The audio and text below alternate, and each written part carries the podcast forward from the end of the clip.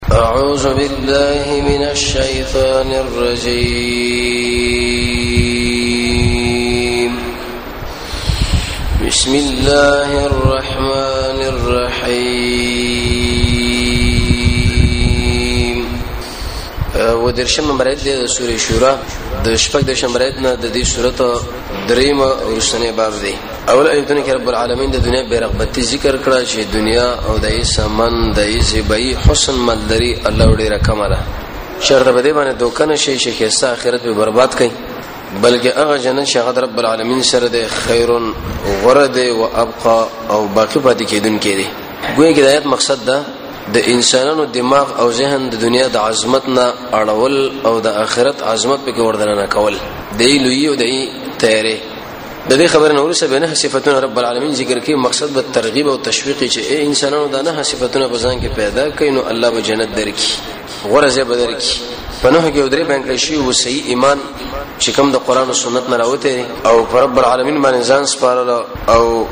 الاجتناب عن المعصيه د ګنا نه ځان ساتل به زموږ زو خبره په ګنا کې و چې انسان به د ګنا نه هغه وخت کې ځان ساتي چې دا په ګنا باندې علم ولري یو سړی له ګنا معلومه نه دی په zarar باندې علم لري د شي انسان به د ګنا نه ځان ساتلی شي او چې کله انسان له ګنا معلومه نه یو دغه په zarar باندې علم نه نو هغه به ځان ساتل ډېر لره خبره ده امام زاهبی رحمه الله د کبیره ګناهونه تقریبا اویره جمع کړي دی ابن حجر اسقلانی 313 شو په د عبد الله ابن عباس پر روایت باندې وو نیم سوا دا ورغړ د موږ ته شروع کړي وو حدیث کې راځي رسول الله فرمایي یو لوی ګناه په ګناهونو کې دا دا چې کله یو سړی بدګنی چې د زما خبرې لغوه کې دي او ته وخت سره نه وکي اغلا رسول الله فرمایي په دې غوګونو کې بل قلعي ویلډینګ درواړي څه کسان دي او هغه به یوځای کې خبره کوي لیکن تور ته کده پورته کیږي خدا خوښ نه غني چې د زما د مجلس کې کینی زموږ د خبره د ځان سره والی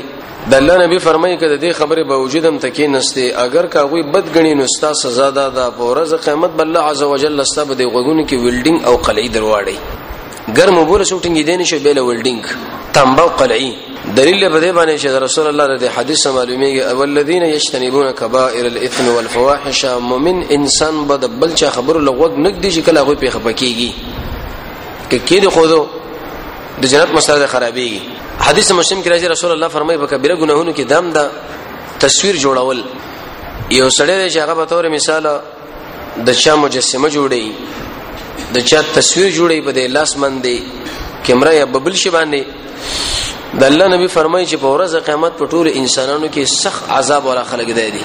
ځکه دا د الله د مخلوقاتو پر یو قسم د استهزاء او ټوکی دی دا زموږ اوسه بل دماغ کې چې ماموري غو نه ګناه معلومیږي ځکه هر سړی کوي مولام پکې اختر او غیر مولام پکې اختر شرکت دا دومره ګناه نه د موبایل رو باسو کیمره رو باسو ټک د سړی نه اکسو باسو لیکن رسول الله فرمایي چې بدی اسلو باندې دومره سخته سزا ده چې بورز قیامت به د ټول انسانانو سخت دریزه سزا ده د سړي دا ناروا ده حرام حدیث کې دم راځي چې په کومه کوټه کې تصویر التا د رحمت ملائک راځي نه د مشرانو تصویرونه بیل چې کله کوټه کې مخ کې د قبله په طرف باندې به خو کې بالکل د منځ مسلم خرابېږي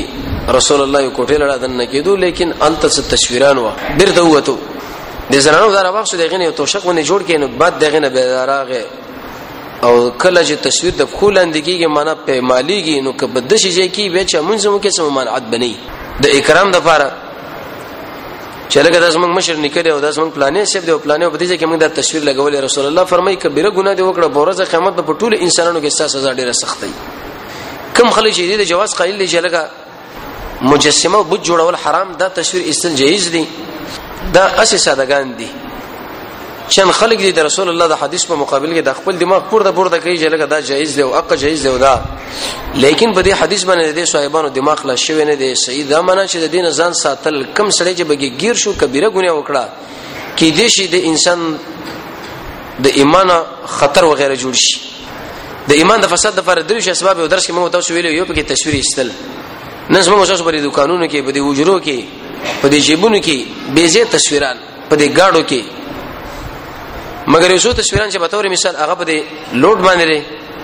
یا د تشکیری لپاره پاسپورت لپاره د بل شي لپاره چې هغه عذر دی کدا چرته چا وستو یا د یو چا ورور ورک دی او یا د گواهی د لپاره یو سړي قتل کړي دی هغه چا لور کې اخبار کې کدا سړي چې گرفتار کې دومره مال او دومره د بجې ایزي د دین را بده خو ټول حرام استلم حرام ځان سره ساتلم حرام او رسول الله فرمایي چې دغه انسانان په ورځ قیامت په ټول انسانانو کې په اعتبار د عذاب سره سخت خلک ده دي کې باید موږ تاسو له محمد رسول الله نه متاثر شو نه د بل چانه رسول الله فرمایي چې دا شی حرام دی سخت سزا لري نو ځان ته ساتل کله چې سړی دی لکار وي او تصویرونه وباسي او باسي دی سړی کبیره ګناه وکړه دا سړی به الله خیر او ابقا زره نه بوزي نه به ور داخلي حدیث کې دام رسول رسول الله فرمای المحلل والمحلل له یو سړی دی چې هغه خپل کزه بدري طلاق باندې طلاق کی قانون به ادا دی چې دا باول خاون له جایز کېږي په دې شرط باندې چې کله دا بل وادو کی او هغه طلاق کی عیدت تیر شي او بیرته اول خاون لره شي توجه حتی تنکه زوجا غیره لیکن په دې بعض علاقو کې د شکار دی شغوی دې لپاره څه کسان انتخاب کړی دي چې هر سړی کزه طلاق کې نو غلې راولي ورته وایي چې د 10000 روپۍ والا زما دې سره نه سره درې څلور شپې تیرې کو بیا به طلاق کې برته بیا مال راشي رسول الله فرمایي وي دا هغه چې لري چې په سوال باندې راغفتل کې خپل اهل الله زنا لپاره د الله رخلاصول دي دې ویل چې رسمي زنا نو کم سړی چې دا کار کوي یا هغه سړی چې د خپل واړی راوسی د پاره د دی چې د سره یو شپې تیری کوي به طلاق کوي او عدت تیر شي زما خپل برتر شي د الله نبی فرمایي چې بده شي انسان د الله لعنت دی او د کبیره ګناه کې راګیر دی د شي انسان بس موږ الله د جنت نه لری کی کبیره ګناه دی ویل شي چې انسان رشوت ورکي او اخلي لعن الله الراشي رسول الله فرمایي چې د الله لعنت دی په هغه انسان باندې چې رشوت ورکي او بل نه اخلي لیکن په هغه وخت کې چې پر دې حق سړی په تلف کی به تور مثال یو شسته نه دی تاسو خلکو له پیسې وروړاندې کی د دې پیسو په مقابل کې هغه شی ځان لراړی نو رسول الله فرمایي چې په تا باندې الله لعنت دی او کبیره ګناه کې راګیر شوی مؤمن انسان به د دې نه ځان وساتي او لعنت هغه سزا ده نبی کریم علیه الصلاه والسلام په سفر باندې روان د قافلې د مزه یو خرو باسي او بار کوي شاته ته پوښتنه شي یا رسول الله دا ولی وې دا چې کله د کور نه راوته مالک په لعنت ویلې ده اسنه د دغه وجنه الله مونږه هلاک نه کی رشوت ورکول او رشوت اخصل نبی کریم علیه الصلاه والسلام په کبیره ګناهونو کې دام حساب کړي په لوی ګناهونو کې ان یحال المیت مړي باندې چغوال نفس جړه چې د انسان د سترګو نه وښکي روان شي دا جایز دي ابراهيم شکر وفات شو د نبی صلی الله علیه وسلم بچی د سترګو نه وښکي لاړې یو بل نوسه وفات شو د سترګو نه وښکي لاړې ودا رحمت ته ابو بکر رضی الله چې کله نبی کریم علیه الصلاه والسلام وفات خولې کې سترګو نه وښکي لاړې د نبی کریم علیه الصلاه والسلام نکه شکل وفات شو ډیر زید رسولګو نو خلاړي ام ایمن فرمایي چې د کټ خوا کې ولاړو ژړلې د قشن شواله ده وفات شو کم انسان چې هغه باندې مړ راشي او دا خپل گریوان شلی یا دا مخ وي او یا دا ویختش کوي رسول الله فرمایي چې دې زنانه لب رب العالمین د قطران د نازړو د قلعي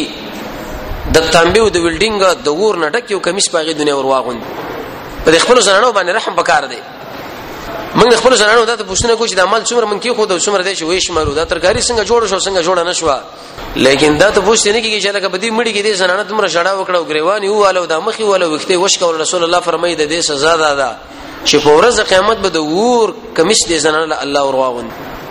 او دې زنانه لوی ګناه وکړه نبی کریم علیه الصلاه والسلام یو بل کبیره ګناه بیان کړی دا د مسلمانانو د جماعت نه وتلو د غیر مسلمانو په جماعت کې ځان داخلول الخروج عن جماعت المسلمین معنا څه ټول مسلمانانو یو خوا دي او ته د دې په مقابل کې ایسه په بل طرف باندې ودرېږي د کفر په تایید کې ودرېږي ته پوه شې بده باندې شې بده وخت کې تا ډېر لوی عظیم جرم خیر او ابقا دا کوم شي چې رب العالمین تیار کړی دی د مؤمنانو لپاره جنت دینه محروم شوی رسول الله فرمایي چې فقتل دا سړی وسو وجنی جواری قمار قران کې رب العالمین فرمایي دا چې کله انسان کې دامه لوی ګناه ده کبیره ګناهونه کې دا علماء شمارلې چې په دې کې به تور مثال دا لاټري وغیرہ دا حتی امام قرطبي دا ذکر کړی دی دا اغوز غټل یا دا تشلی وغیرہ چې ورته ویل شي واړه ماشومان شي کوي دام په دې شي کې داخل دي چې کله انسان دا کار کوي او د خپل کشر د دین امن نه کې دې سړي کبیره ګناه وکړه د دې سړي ایمان له نقصان وسره سيږي قران کې رب العالمین فرمایي چې دین ځان ساتي دا حرام دی ناروا انت به امام قرطبي ډیر سورته نور ذکر کړی دی حدیث کې دا امر رسول الله فرمایي مؤمن انسان لکنزل کول دا کبیره ګناه او دغه وشل نظم مو تاسو ټول مسله د مؤمنانو په کنزل باندې شروع شوې ده